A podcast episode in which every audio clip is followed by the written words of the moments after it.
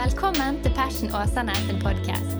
Vi er en ung og levende kirke i Åsane bydel i Bergen som ønsker å lede mennesker til lidenskapelig tro og overgivelse til Jesus, kirken og oppdraget. Takk for at du lytter til vår podkast, og vi håper du blir oppmuntret og utfordret i din etterfølgelse av Jesus.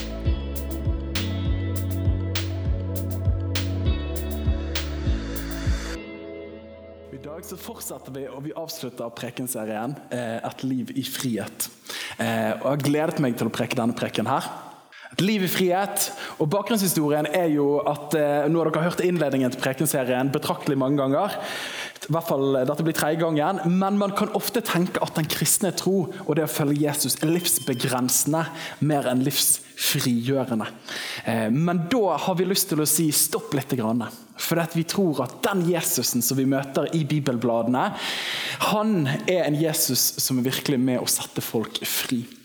Vi leser at Noe av det første Jesus sier i Lukasevangeliet, når han kommer inn, har folkets oppmerksomhet, tiden hans er kommet, han har vært på gutterommet i 30 år, nå er han stor, nå skal han ut i tjenesten. Så er det første han sier, det er ikke at 'jeg har kommet for å tynge mennesker og skape dårlig samvittighet og gi dere komplekser med livet hvis dere følger meg'. Nei, det han sier tvert imot, er at Herrens ånd er over meg, for han har salvet meg til å forkynne evangeliet, gode nyheter for de fattige.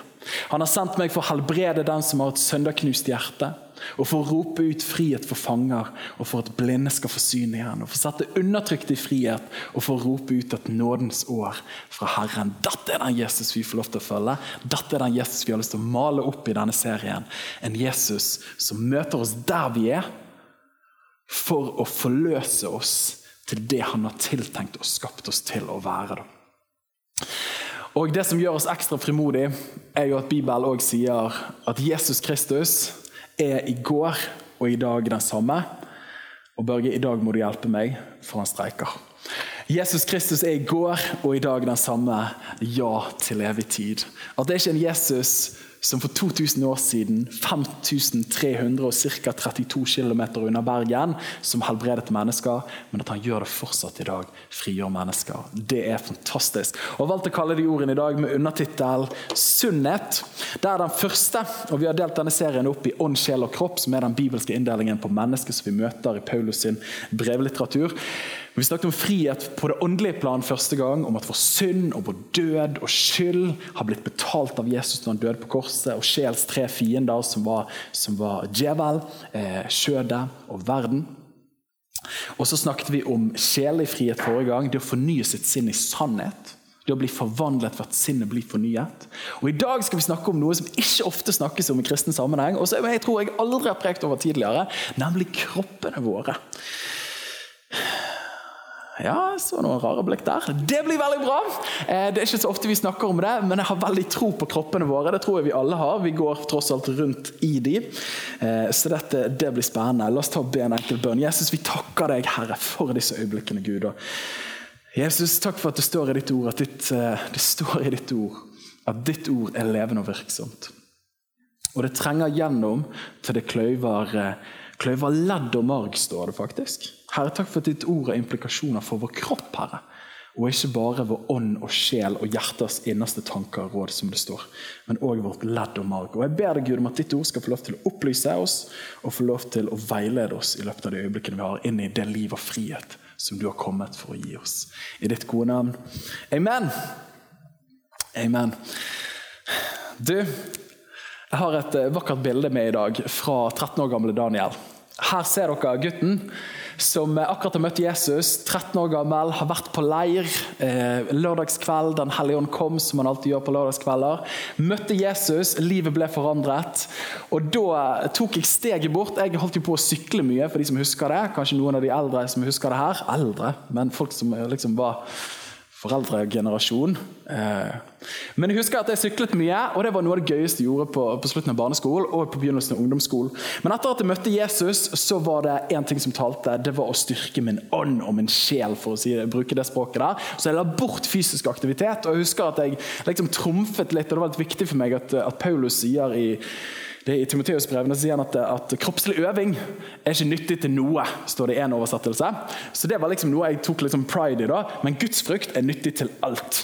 Og så var det noen som innvendte de som likte å trente og likte å spille fotball. og sånt. Jeg kan fortsatt ikke helt forstå det. Eh, fall fotballdel. Men men, sa, men det står i en oversettelse at eh, kroppslig øving er, er nyttig til, til, til noe så holdt de veldig fast på at det er tross alt nyttig til noe. Men eh, poenget mitt var at eh, når jeg møtte Jesus, så var det bort med den fysiske aktiviteten. Nå var det bibelboling, nå var det bønn som var tingen. Og du ser jo på bildet her at jeg hadde fått merchet på plass fra 316 på høyrearmen der. Eh, live for him, altså et firetall, ikke for, men et firetall for å gjøre det ekstra kult. What would Jesus do-armbånd på andre siden. Du skimter et kors der som lyser mot deg. Det er veldig stort, veide tre kilo eh, rundt halsen. Og så lot jeg håret gro som Samson. Eh, så dette, dette, blir ikke mer kristent enn akkurat det bildet der. Da. Og husk at Vi hadde vikner med Kanaly, og da var det liksom gjerne bønnemøter og møter. Men når det var aktivitet, gul og blå og grønn og rød, eh, og de tingene der, så skulle jeg ikke være med på det. Jeg var på bønnerommet, for jeg skulle be. Eh, og jeg husker Vi hadde Gutteviken på Kvamseter på Kvamskogen en gang. Da skulle jeg be. Og de andre var ute og lekte. Jeg bare sånn Shaka Bahaya, jeg skal be, liksom. Jeg skal styrke min ånd. Men poenget er det har skjedd litt endring siden det. Poenget er jo at det skjedde en splitt mellom min ånd eller ånds- og sjelsliv, det var viktig, men kroppen var ikke så veldig viktig. Og Dette har jo man i en kristen tradisjon kalt for dualisme, at man deler opp mennesket på den måten der. Og eh, I en del kristne sammenhenger så har man gjerne sagt det sånn som dette, at vi er en ånd som har en sjel, og som bor i en kropp. Kroppen er bare et hylster, det er liksom bare noe som oppbevarer det virkelige jeget. Men dette har jeg lyst til å si er dårlig teologi, og i hvert fall ikke bibelsk teologi. Men når Gud skaper oss, så er vi skapt i hans bilde med fysiske kropper. Det var ikke sånn Gud var uheldig og sa 'Å nei, du fikk en kropp'. Nei, tvert imot. Han skapte oss med kropper. Vi er skapt i hans likhet og bilde. Og jeg merker det som du òg helt sikkert har merket, at vi som ånd, sjel og kropp henger veldig nøye sammen. Har du merket det? At hvis du f.eks. er nede i psyken, så påvirker det kroppen din òg.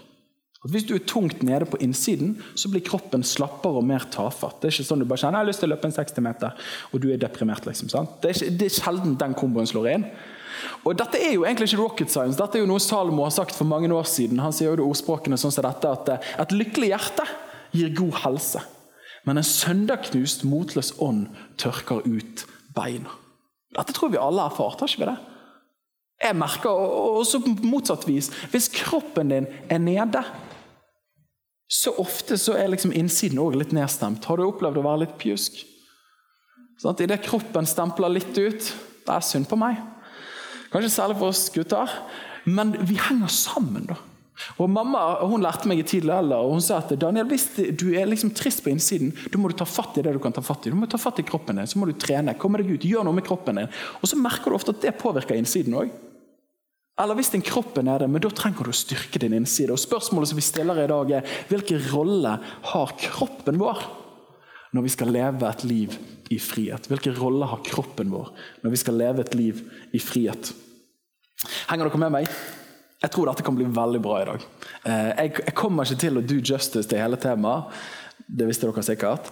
Eh, men jeg har bare lyst til å berøre det. For jeg tror at det å leve et liv i frihet er mer enn ånd og sjel, men det handler om kropp òg. Når Gud skaper i begynnelsen, i de første bibelbladene eh, i første Mosebok, det første kapittelet og det første til femte verset, så leser vi så følgende. I begynnelsen skapte Gud himmel og jorden.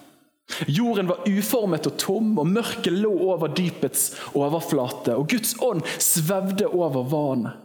Da sa Gud, 'Det blir lys', og det ble lys. Gud så lyset, at det var godt, og Gud skilte lyset fra mørket. Gud kalte lyset dag, og mørket kalte han natt. Så ble det kveld, og det ble morgen første dag. Sånn begynner bibelfortellingen om hvordan Gud skapte himmel, jord, mennesker og alt som er. Han tar det som man i teologien kaller for kaos, det som var uformet og tomt og så gjør han det om til et kosmos, som betyr på gresk 'ordnet verden'.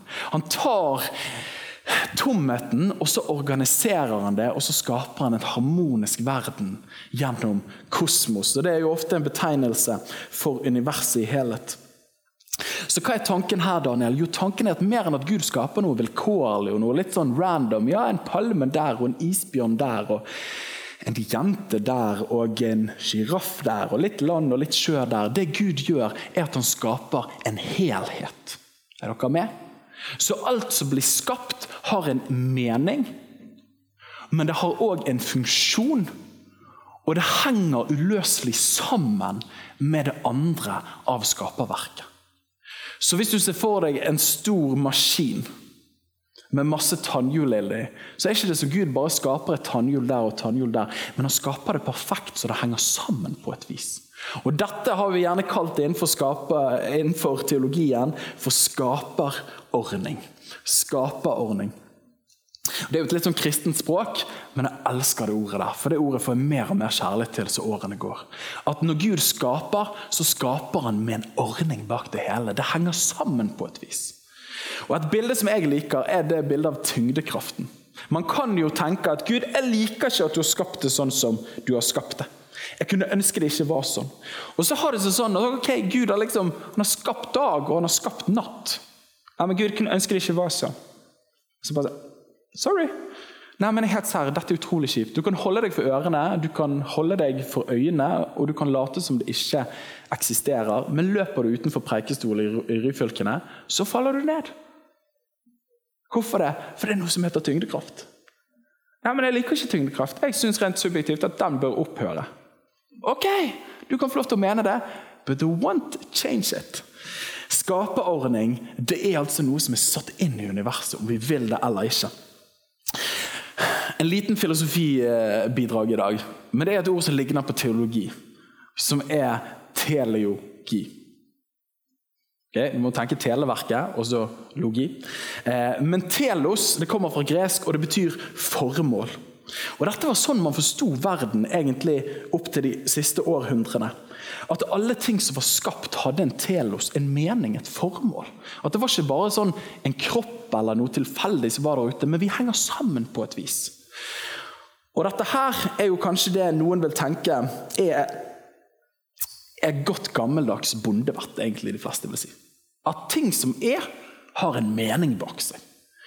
Ok, Alt skapt har en mening, det har da en funksjon, og ut ifra den funksjonen så kan man òg bedømme om noe er rett eller galt. Altså Det gir oss en moralsk klu på et vis. da. Hva mener du med det? Jo, eksempel, Et øye er ikke bare en rund klump, men du kan òg se gjennom det øyet. Det sier oss noe om funksjonen til det øyet. Men hvis du da tar et skrujern og stikker hull i lillebror sin øye, så han ikke ser, så ødelegger du den funksjonen. Er lik, det er ikke en moralsk gjerning. Tok dere logikken?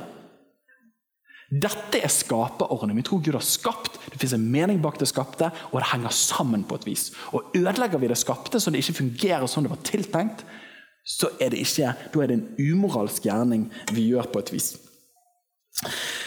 Bare heng med meg. Vi kommer til dit vi ønsker å komme. Og I teologien snakker man gjerne om Guds moralske lov. Har dere hørt det begrepet før? at det finnes noe hva som er rett og galt, påbud, forbud i Det gamle og nye testamentet, som Gud har skapt der. Og I teologien kaller man det også gjerne den naturlige lov. Hvorfor det? Jo, fordi den er ganske intuitiv. Paulus sier det sånn som dette her, og det kaller man òg allmennåpenbaring. Han sier at for det en kan vite om Gud, ligger åpent for alle mennesker. For Gud har åpenbart det for dem. Altså, Hva er poenget? Jo, sånn Gud har skapt en viss grad av rett og galt, en forståelse, den naturlige lov, det ligger i skaperverket. For helt siden verdens skapelse har hans usynlige egenskaper vært klart synlige. Det gjelder hans evige kraft, hans guddommelighet. Disse kan kjennes ut fra de gjerningene som han har gjort. Slik er de uten unnskyldning. Men mer enn det at hva som er rett og galt pga. skaperverket, pga. den naturlige lov, så sier Paulus også at, at når mennesker som ikke har loven, av naturen gjør det loven lærer, er disse sin egen lov, selv om de ikke har loven. De viser at lovens gjerning er skrevet i deres hjerter. Om det vitner samvittigheten sammen med dem. Det samme gjelder tankene deres, som innbyrdes enten anklager dem eller unnskylder dem. Hva er poenget? Jeg prøver bare å, å bygge forståelsen av at, at det finnes skaperordninger. Som ikke er oppe til vurdering av hva vi mennesker måtte tenke og mene. Men som bare er et faktum. Sånn er det. Og jeg har lyst til å foreslå at du ikke trenger å ha alle stjernene heller på søndagsskolekortet for å kunne forstå det. Men som Paulus sier, Gud har skapt, han har flashet ut, og det er ganske intuitivt. Fordi at alle ting har et formål. Dette er den naturlige loven. Og da, jeg vil jo da mene, og det er jo litt interessant med ofte folk som tar ut avstand fra en kristen forståelse, verdensforståelse og moralsk forståelse, at de vil jo ofte være veldig enig for det. Ja, men eh, det å baktale, er ikke dere enige at det ikke er en veldig god ting? De fleste vil si jo det er ikke bra å baktale. Det har sjelden gode frukter på ekteskapet og relasjonene mine. Eller det å liksom slå noen i fjeset fordi jeg har lyst til det. De fleste forstår at nei, det, det, det er ikke rett å gjøre det. Eller det å drepe noen. Det er ikke sånn man gjør på gøy. Poenget er det ligger i oss en forståelse pga. skaperordninger. Og Gud har da skapt mennesker som en del av naturen, så du og meg med våre kropper er skapt med et formål og rammer. Rett og slett en ordning. Og Dette blir vi kjent med både gjennom Bibelen Kirkefedrene snakket om at Gud hadde gitt sin åpenbaring gjennom to bøker. Bibelen og verden, skapelsen. God's word and God's world. Disse to, Her lærer vi å kjenne hva som er riktig, og hva som er godt for oss mennesker. Og Gjennom det så lærer vi oss hva som er kroppens bruk og behov og begrensninger.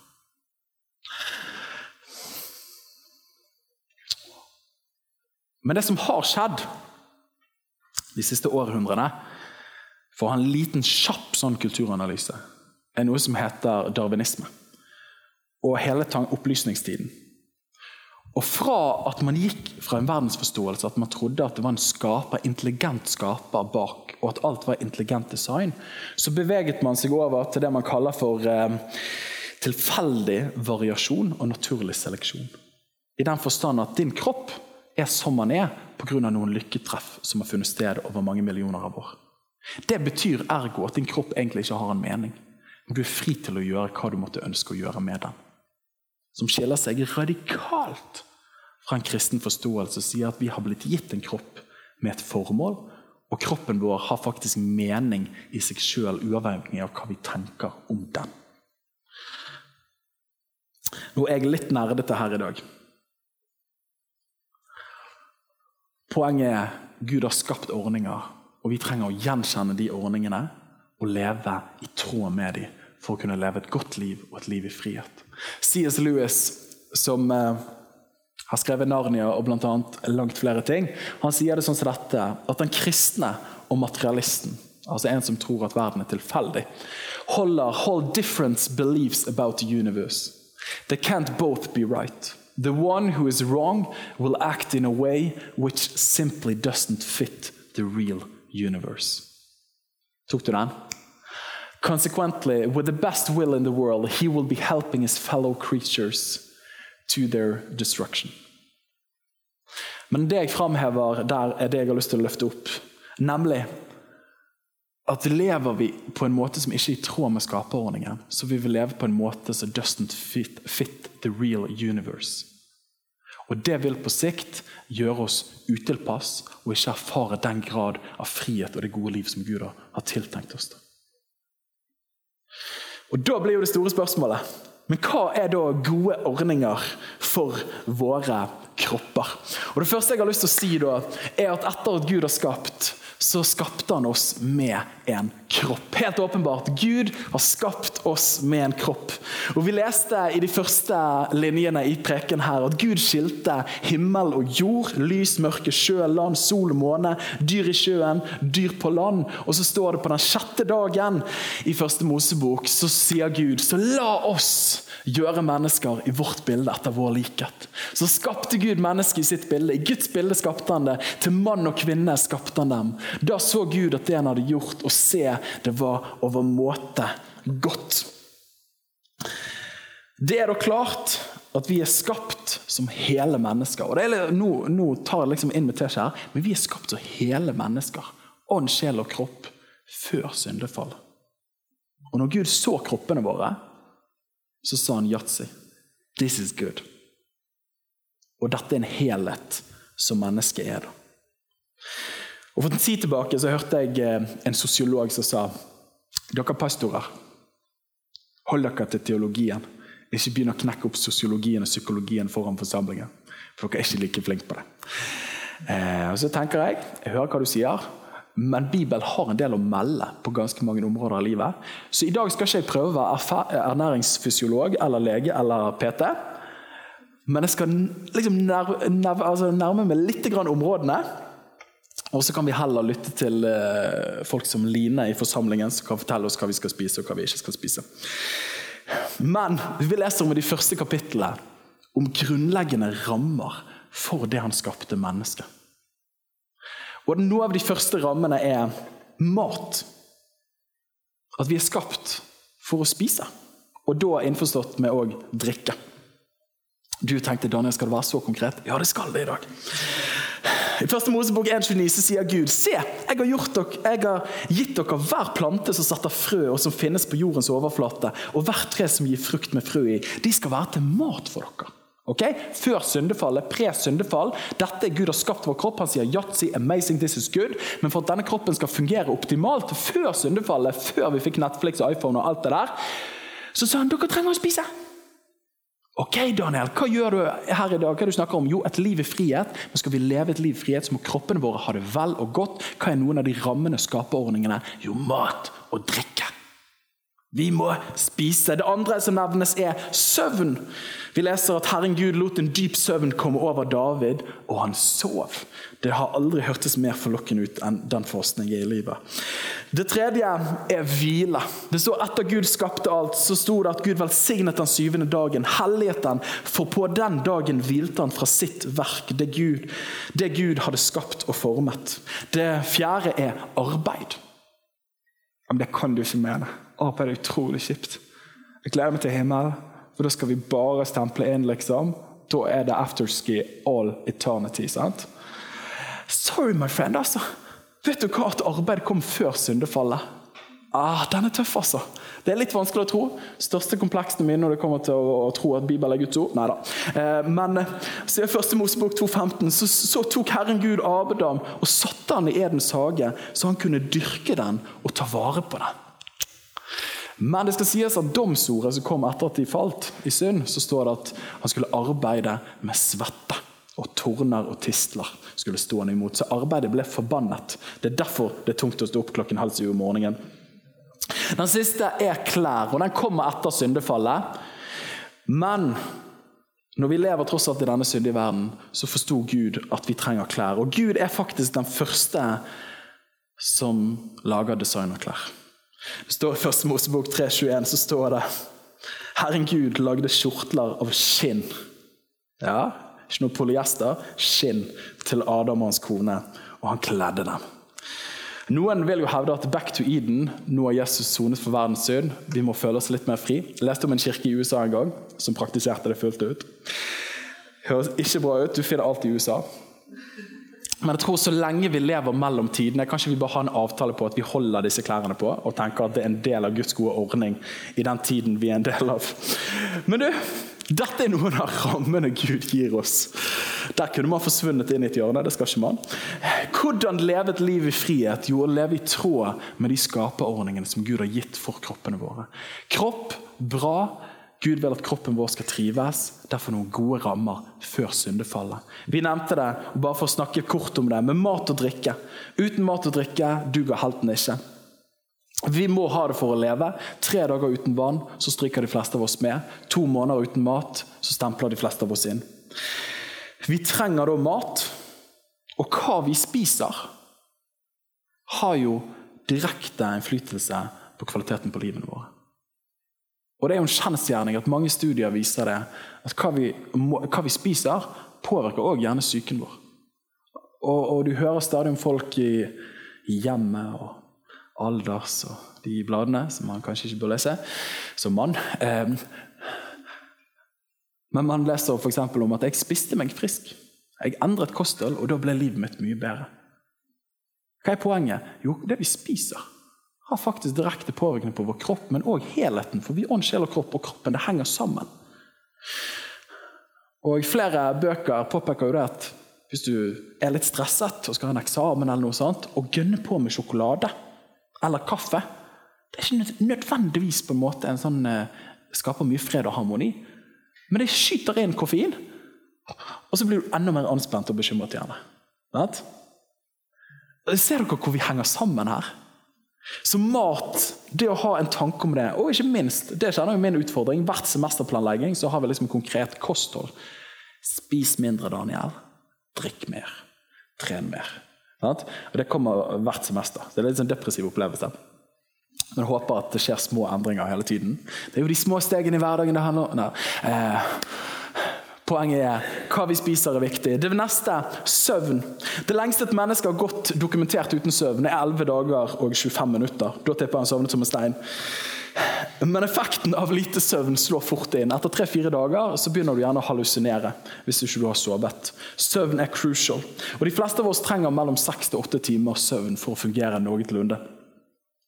Og de sesongene som har vært krevende i mitt liv, så merker jeg at det å sove, hvis man klarer å sove, er jo en av de største gavene, for det nullstiller deg. Så våkner du opp dagen etterpå og bare sånn OK, klar for en ny dag. Søvn er viktig. Nå bare snakker jeg, Dere er jo med meg, eh, men man snakker om noen ordninger som Gud har skapt for kroppen vår. Så vi trenger å anerkjenne, for det er tyngdekraft, og vi må leve i tro innenfor dem. Hvile og arbeid. Vi er skapt for en rytme av hvile og arbeid. Bare hviler du, så kommer du ender du opp med å lide. Hvis du bare sitter i kjelleren og spiller Counter-Strike, så blir livet miserabelt. Men jobber du bare som karrierejager og aldri hviler, så blir livet òg miserabelt. Så Bibelen løfter opp denne forståelsen av at det er godt å arbeide, men det er godt å hvile. Og det trenger å være en balanse av disse to tingene sammen. Og Foruten om døgnets hvile, som er om natten, så trenger vi òg ukens hvile, som er på søndagen. Og Det kjenner jeg nå når jeg blir litt eldre. for jeg tenkte litt sånn som Paulus sier i Kolosseren, at liksom noen akter på én dag, og andre akter ikke på en annen dag. Eh, det er ikke det viktige. Det viktige er å tro på Kristus. Men så ser jeg mer og mer og dette er noe som Gud Tenk at Gud hvilte før syndefall. Det sier meg noe om at, at vi er designet for å hvile. Og vet du hva Den første dagen til mennesket, hvis de ble skapt på den sjette dagen, hva skjedde på den syvende dagen? De hvilte. Så de begynte med å hvile. Og I jødisk forståelse er jo søndagen er jo første dagen i uken. Som er sønnens dag. Som da betyr at, at man begynte med hvile før man gikk inn i uken. Sånn som du og meg er, så pumper vi oss helt tom, og så tenker vi nå trenger jeg en timeout. Men det er noe med å begynne litt motsatt. Da. Jeg syns det er spennende. Kanskje vi må ha en prekenserie om det.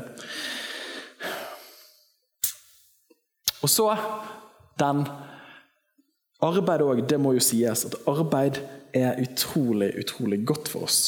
Og jeg tror vi kan slenge inn trening her òg. Er det greit? Gud sier ikke trening i første Mosebok, men de jobbet litt mer manuelt på den tiden.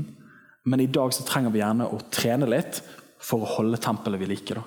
Så trening slenger vi inn der sammen med hvile og arbeid. Og den siste klær. Vi trenger klær for å leve. Og Jeg tror ikke dette er et free pass til liksom motehysteri. Jeg tror ikke det er det han sier her. Men jeg tror vi trenger det, for det er godt for oss. Eh, så dette her er jo å leve i frihet rent fysisk handler om å leve i tråd med kroppens bruk, behov og begrensninger. Altså søvn, mat og drikke, hvile, arbeid og klær. Og så, Siste poenget er at mer enn det så skaper Gud oss ikke bare med en kropp, men han skaper oss òg med en kontekst. Han skaper oss òg for en kontekst. Og Daniel, Hva mener du med det?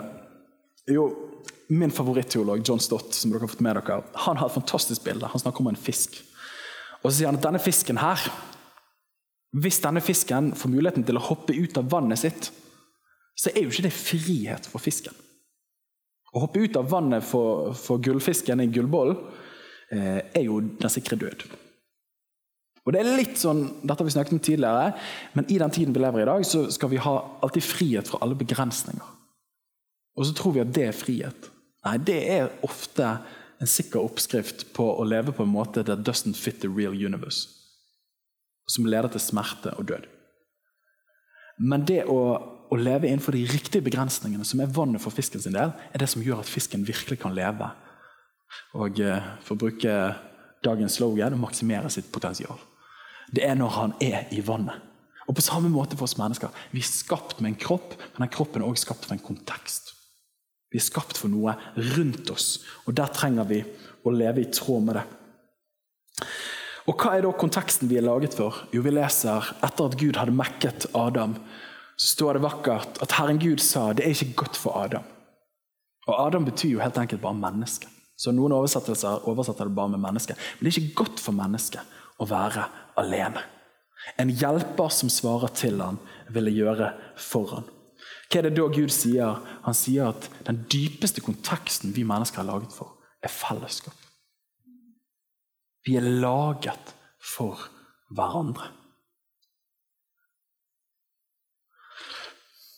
I 2015 så uttalte Norges helseminister, var vel Bent Høie, han sa at ensomhet er Norges usynlige folkehelseproblem. Og han slo en ensomhetsalarm. Og eh, Folkehelsemeldingen som ble lagt fram da òg, sa at ensomhet er like farlig som å røyke. Her ser vi det nok en gang. da. At den psykologiske ensomheten får fysiologisk utslag. Hvorfor det? For at ånd og kropp, sjel og kropp henger så nøye sammen. Og I alderen 16 24 sier fire av ti nordmenn at de oppgir at de er ensomme. Og I 2018 utnevnte England sin første ensomhetsminister. Som måtte sitte helt alene på et kontor. Nei da, det var ikke det som var poenget. Men en minister som skulle hjelpe landet med ensomhet. For ni millioner av briter sa at de sliter med ensomhet. Altså, Dette bekrefter jo bare det bibelboken har sagt i et par tusen år. Vi er skapt for hverandre. Vi trenger fellesskap. Dette er en naturlov. Husker du den naturlige loven? Dette er bare skaperordning. Sånn er det bare. Man kan like det eller ikke, men vi trenger det for å kunne leve vel. Jeg tror noen på slutten av talen, noen rammer dette fellesskapet skal leves ut. Innenfor kristen tanke så har man definert noen sånne størrelser som er viktige. Og eh, I det kristne livet, boken med den tittelen av Carl Fredrik Wisløff, så tar han og definerer noen av de som egentlig en kristen tradisjon har holdt opp i tusener av år. Men den første er familien. Vi lever fellesskap i familie, men da ekteskap òg. Alle barn, jeg vet ikke om du har tenkt på det, men alle barn fødes inn i en familie. Det er ikke sånn 'Jeg har ikke lyst på familie'. Jeg kunne tenke meg å vokse opp på kåka. Sorry, my friend. Du kommer til å komme ut av en mage, og da er du automatisk i en familie. Det er jo noe av det man prøver å løsrive nå. At biologisk opphav ikke nødvendigvis skal ha noe å si for videre liv. Jeg tror jeg er en kjempetukling med skaperverket, som skaper katastrofale følger. Men vi er født inn i en familie. Vi trenger familie. Vi er skapt for familie. Og det andre institusjonen sammen med familien, høna eller egget vi vet ikke helt, jo, Adam og Eva, det var jo en, et ekteskap. Hva er det som skjer der? Jo, det å gifte seg og finne en annen av det motsatte kjønn som man forenes med, er noe av denne skaperordningen som vi ikke kommer unna. Hva skjer? Hva er det som skjer når de da gifter seg? De skaper familie. Familie er en av de grunnleggende, mest grunnleggende byggeklossene i et samfunn, men òg Guds skapelse og ekteskapet der hen. Og så kan man tenke, og jeg må, jeg må bare smelle ut med denne, altså, men man kan jo tenke at i dag så hører man gjerne i en, i en postmoderne kontekst at familie er en sosial konstruksjon. Sånn, sorry, altså.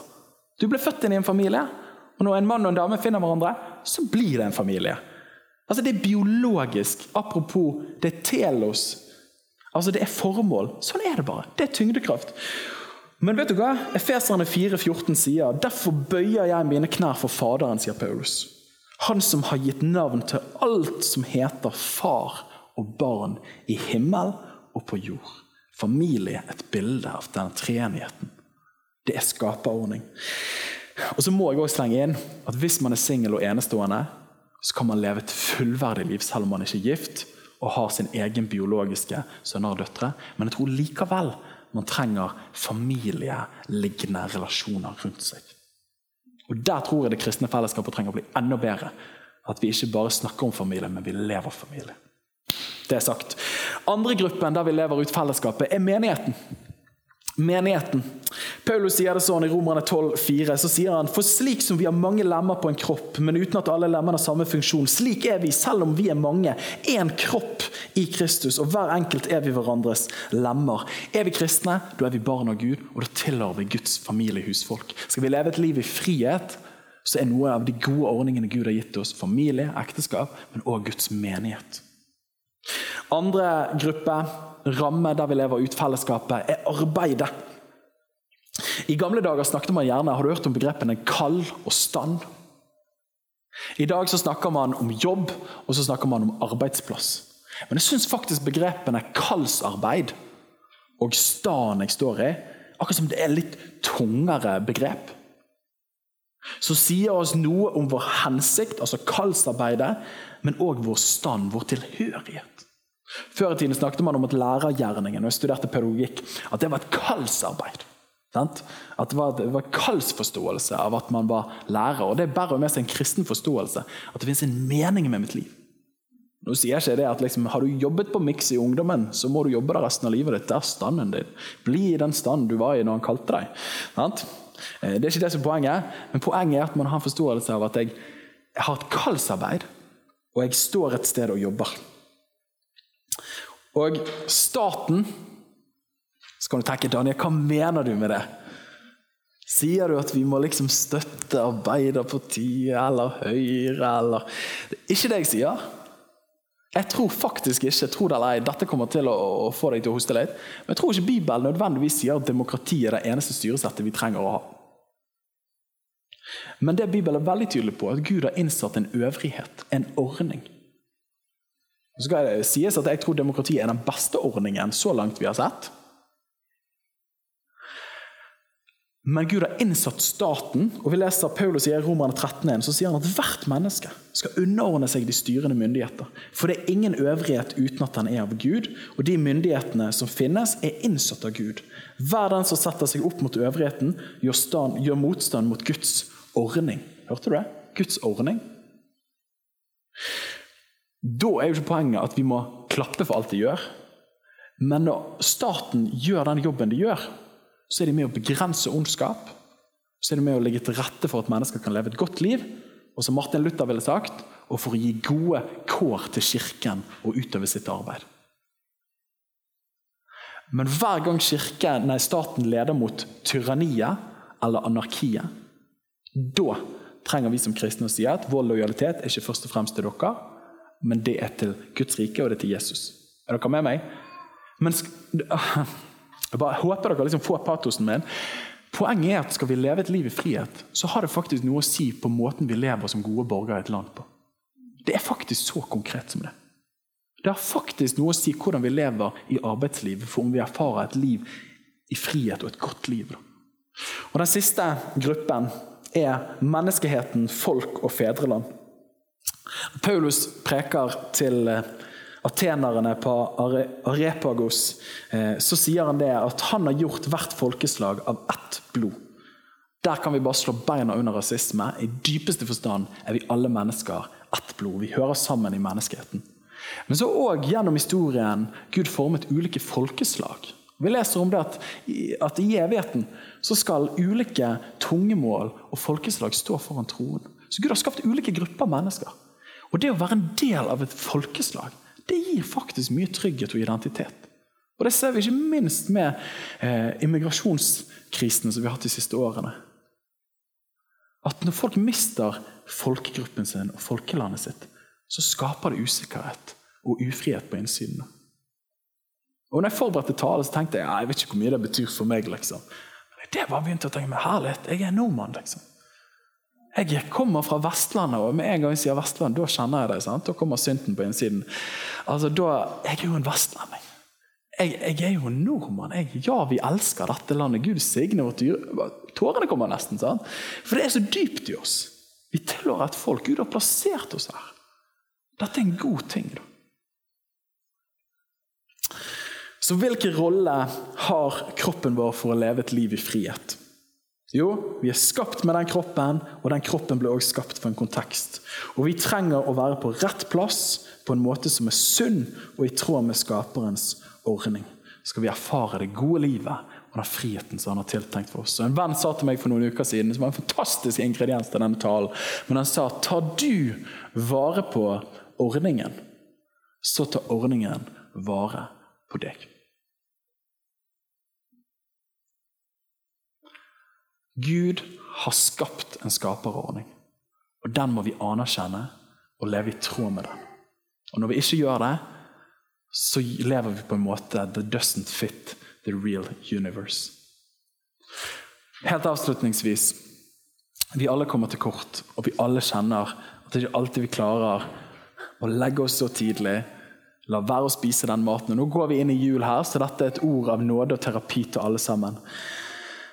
Men vi går inn i jul her, og så kjenner vi at jeg klarer ikke alltid å stå av fra den maten. Jeg klarer ikke alltid å trene, jeg klarer ikke alltid å sove nok. Det er ikke alltid jeg verdsetter arbeidsplassen min. Av og til skulker jeg gudstjenester osv. Da er det oppmuntrende ordet at den Jesusen som vi tilbar oss, vi elsker, han vet hvordan det er å være menneske. Det vi feirer om et par uker, er inkarnasjon. At ordet ble kjøtt og tok bolig iblant oss. At ordet ble kjøtt og tok bolig iblant oss. Jesus har vært menneske. Og han er Har du tenkt på det? Men Jesus er fortsatt Jesus har fortsatt en fysisk kropp. Vi leser i Kristi himmelfart at han ble tatt opp. Og Det som er fint, og slutten av denne prekenserien her, så Hebreabrevet sier så vakkert Og for Vi har ikke en øverste prest, altså Jesus, som ikke kan ha medlidenhet med våre skrøpeligheter i vår kamp at han har frihet og det gode livet han har kalt oss til. Men en som i alle ting har blitt prøvd slik som vi. Han har levd i de samme ordningene, under de samme behovene og begrensningene, men uten synd. La oss derfor komme til nådens trone med frimodighet, for at vi kan få miskunn og finne nåde til hjelp i den tid vi trenger det. Jesus i dypeste forstand er vår virkelige frihet. Jesus er vår frihet, og da ikke bare for vår ånd eller for vårt sjelsliv, men også for våre kropper. Ikke fantastisk? Han er òg den Gud som helbreder våre kropper, og som kan gripe inn der det er fysisk sykdom. Det får bli til en annen serie. Men kan vi ta og reise oss sammen, og så ber vi til slutt. Jesus, vi takker deg, Herre, for skaperordningene. Og nå, Gud, nå ber jeg for hver og en av oss her inne. Jesus, du har kalt oss til et liv i helhet, i frihet. Jeg ber deg, Gud, om at du åpner våre øyne for de ordningene som du har tatt inn i skaperverket, som gjelder for våre kropper. òg, Gud. Jeg ber om at vi skal se dem, og jeg ber om at vi skal leve i tråd med dem. Så kjenner jeg også særlig Gud. Nå skal ikke vi ta en håndsopprekning her, men jeg tror flere under denne talen her har bare kjent vet du hva, akkurat på dette området. Når du nevnte det, jeg bare vet her er det noe som står tilbake. Her trenger jeg et gjennombrudd. Jeg har lyst til å be inn i det rent konkret. Om det går på rent eh, når det går på søvn, trening, arbeid, eller om det går på disse fellesskapene. At man ikke er helt på plass, verken i arbeid, eller menighet eller familie. Gud, jeg ber om at, om at, der livene våre krasjer opp mot ordningene, eller der vi overtrer ordningene, og vi merker frukten av at det ikke er godt i livet vårt, Gud. Jeg har lyst til å be, sånn som Hebreabrevet sier. Vi kommer til deg og ber om nåde til hjelp, Herre. Sånn at vi kan leve på en måte som er godt for oss på alle områder. Og Gud, der det er avhengigheter, der det er sår, og der det er ting som holder oss tilbake. I ditt navn, Jesus. Vi bryter det av i Jesu Kristi navn. Og så ber jeg deg, far, gi oss nåde til å ta vare på ordningen, sånn at din ordning kan ta vare på oss. Og vi sa amen. Amen. Takk for at du lyttet til vår podkast. Hvis du synes det var bra, så del den gjerne med noen flere. Vil du vite mer om hvem vi er, hva som skjer, og kanskje besøke en av våre gudstjenester, se vår nye hjemmeside på fashionåsane.no, eller følg oss på sosiale medier. Helt til slutt, ta imot Herrens velsignelse. Herren velsigne deg og bevare deg. Herren la sitt ansikt lyse over deg og være deg nådig. Herren løfte sitt åsyn på deg